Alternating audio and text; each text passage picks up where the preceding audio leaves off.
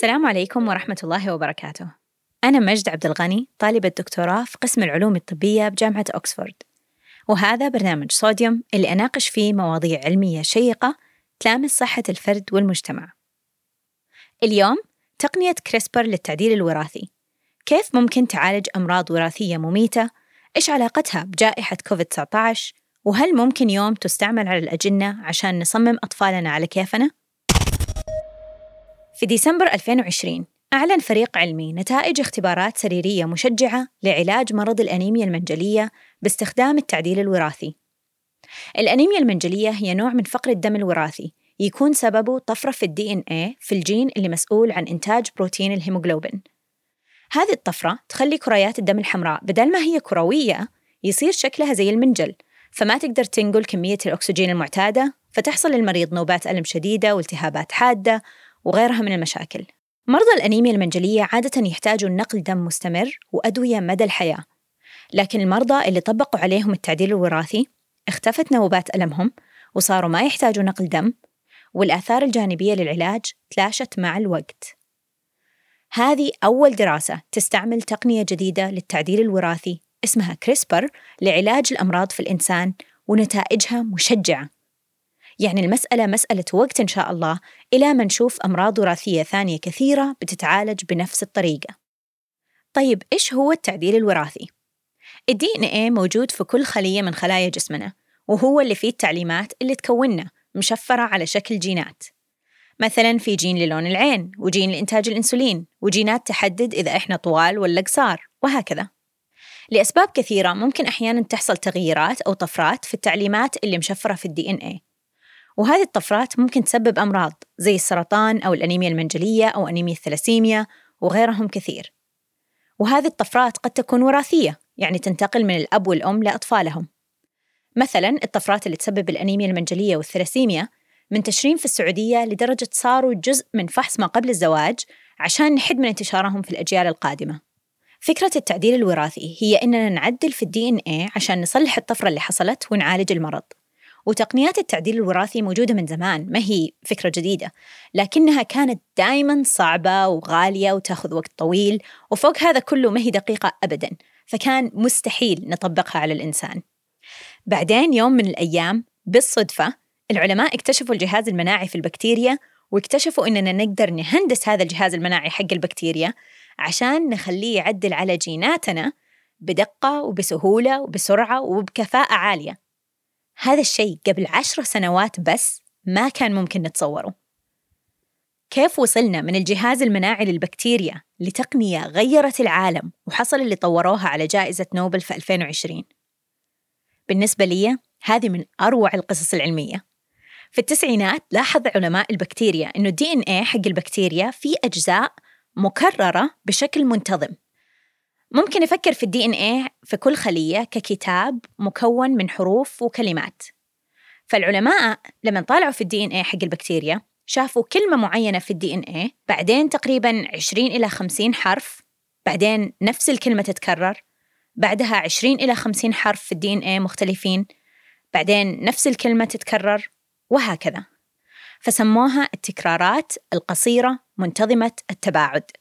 أو بالإنجليزي Clustered Regularly Interspaced Short Palindromic Repeats. يسموها كريسبر للاختصار. ما كان عندهم أي فكرة إيش الهدف من هذه التكرارات ولا إيش معنى العشرين إلى خمسين حرف اللي بين كل كلمة مكررة في الدي إن إيه بعدين مع الوقت اتضح إنه هذه الحروف تطابق تسلسلات في دي إن إيه الفيروسات اللي تهاجم البكتيريا. كأنه البكتيريا بتاخذ جزء من المادة الوراثية لأي فيروس يدخلها وتحفظه عندها عشان تتذكره بعدين. ومو بس كده اكتشفوا إنه البكتيريا اللي عندها الحروف المطابقة للدي إن إيه فيروس معين تكون عندها وقاية منه. كيف؟ لما يدخل فيروس لخلية البكتيريا تسوي البكتيريا نسخة من الحروف اللي بين الكلمات المكررة وترسلها لإنزيم زي المقص اسمه كاس. ياخذ كاس نسخة الحروف هذه ويروح للمادة الوراثية حقة الفيروس اللي دخل الخلية. ويشوف إذا كانت نسخة الحروف اللي معاه تطابق المادة الوراثية حقة هذا الفيروس. إذا حصل تطابق يقص كاس المادة الوراثية حقة الفيروس في نفس مكان التطابق بالضبط. وبالتالي يتدمر الفيروس لأنه ما يقدر يسوي شيء بدون مادته الوراثية. لما فهموا العلماء كيف بتشتغل تسلسلات CRISPR مع إنزيم Cas استوعبوا إننا نقدر نسوي نفس الشيء في خلايا الإنسان. إذا حطينا هذا الإنزيم في خلايا الإنسان في المعمل وأعطيناه حروف تطابق مكان معين في ال DNA حقنا ممكن يسوي فيها نفس الشيء. يلاقي الجزء من ال DNA اللي يطابق هذه الحروف ويقص ال DNA في هذا المكان. ممكن تتساءلوا طيب قصينا ال DNA كيف هذا الشيء يسمح لنا نعدله؟ بالعكس إحنا سوينا مشكلة أكبر. فكروا فيها زي ملف ال Word. أنا أضغط control F في ال Word عشان أبحث عن كلمة معينة. إذا لقيت الكلمة أقدر أمسحها وهذا نفس القص اللي يسويه Cas. بعدين أحط مكانها اللي أبغاه. هنا المفتاح. إذا قدرنا نقص ال DNA نقدر نستعمل أجهزة الخلية عشان نملي الفراغ بالتعديلات اللي نبغاها. اللي اكتشفوا إمكانية التعديل الوراثي باستعمال تقنية كريسبر كاس نشروا نتائجهم في 2012 وبعدها بثمانية سنوات بس حصلوا على جائزة نوبل. والآن أقل من عشر سنوات بعد هذا الاكتشاف يبدو أننا قدرنا نستخدم التقنية في علاج مرض الأنيميا المنجلية اللي يصيب الملايين حول العالم. وما زالت التجارب السريرية مستمرة عليه وعلى أمراض وراثية كثيرة ثانية بما فيها سرطانات وأمراض دم وأمراض عصبية. وفي علماء حتى بيبحثوا في إمكانية استعمال CRISPR لعلاج كوفيد 19 إذا كانت البكتيريا تستخدم CRISPR عشان تقضي على الفيروسات ليش ما نستعمله إحنا بنفس الطريقة؟ طالما نقدر نعطي Cas جزء من المادة الوراثية حقة الفيروس حيقدر Cas يروح ويقصها عشان يقضي عليه. وفي شركة بتستعمل CRISPR عشان تهندس أعضاء للزراعة مطابقة للمرضى المحتاجين للتبرع. فنتخلص من كثير من المشاكل المتعلقة بزراعة الأعضاء وأهمها قلة توفرها وعدم مطابقتها من ناحية مناعية للمريض. واستعمالات كريسبر ما هي مقتصرة على المجال الصحي بس. ممكن نستعمله عشان نخلي النباتات مقاومة للضغوطات البيئية أو الميكروبية. مثلا نهندس النخل إنه يكون مقاوم لسوسة النخيل. وممكن نستعمله عشان نهندس الميكروبات عشان تنتج مواد نافعة للإنسان وغيرها من التطبيقات. بس إيش ما نقدر نسوي ب CRISPR؟ على الأقل على المدى القصير. CRISPR إلى الآن ما نقدر نشوفه كحل لكثير من الأمراض اللي مع إنه لها جانب وراثي يعني مشكلة في ال DNA بس هذا الجانب معقد زي السكر والضغط والسمنة زي الاضطرابات أو الأمراض النفسية. غالبا الأمراض اللي حينجح فيها CRISPR هي الأمراض اللي فاهمينها كويس وفاهمين بالضبط إيش الجين اللي يسببها.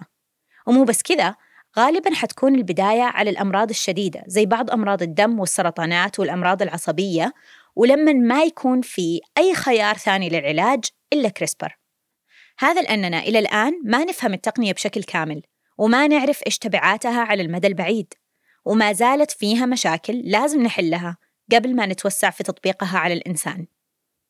عشان كذا كانت كارثة علمية كبيرة لما في 2018 أعلن عالم صيني اسمه ها جيان كوي إنه عدل الجينات حقت بنتين توأم وهم لسه أجنة عشان يخليهم مقاومين لفيروس الاتش آي في. غير إنه مرضى الإيدز هذه الأيام ممكن التحكم في مرضهم بشكل سهل نسبياً وبيعيشوا حياة طبيعية لأنه سوى التعديل وهم البنات لسه أجنة فهذا معناه إنه التعديل حيكون في كل خلايا جسمهم بما فيها التناسلية. يعني حينقلوا التعديل لأطفالهم وأطفالهم ممكن ينقلوا لأطفالهم. كانت خطوة مستعجلة جدا وإحنا لسه ما ندري إيش الأثر على المدى البعيد في إنسان واحد وفي عضو واحد. كيف على مدى أجيال؟ والتقنية رغم أنها تحمس وأحسن من أي تقنية تعديل وراثي قبلها إلى أنه ما زال فيها مشاكل لأنه إنزيم كاس مو دائما دقيق 100% أحيانا ممكن يقص ال DNA في أماكن غير مستهدفة فتحصل طفرات ما كنا متوقعينها ولا نعرف آثارها. هي جيانكوي انسجن لأنه دراسته ما كانت أخلاقية. بس ما نعرف أي شيء عن التوأم إلا إنهم لما انولدوا في 2018 كان شكلهم إنهم سليمين. بس فينهم دحين وكيف صحتهم؟ ما ندري. هذا يأخذنا للمسائل الأخلاقية في CRISPR وهي شائكة وكثيرة.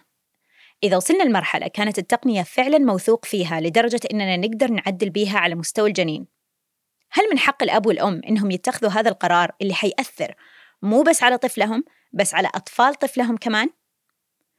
يمكن نعم إذا كان المرض شديد ومميت زي الشيخوخة المبكرة مثلا لأنها تسبب أعراض مؤلمة جدا وغالبا ما يعيش المرضى للمراهقة حتى فيمكن نقدر نتفق إنه هذا المرض يستحق التعديل على مستوى الجنين ويمكن نقدر نتفق إنه تعديل الصفات الطبيعية في الأجنة زي لون العين والشعر مثلا ما له داعي بس سؤالي اليوم فين نحط الخط بين المرض والصفة؟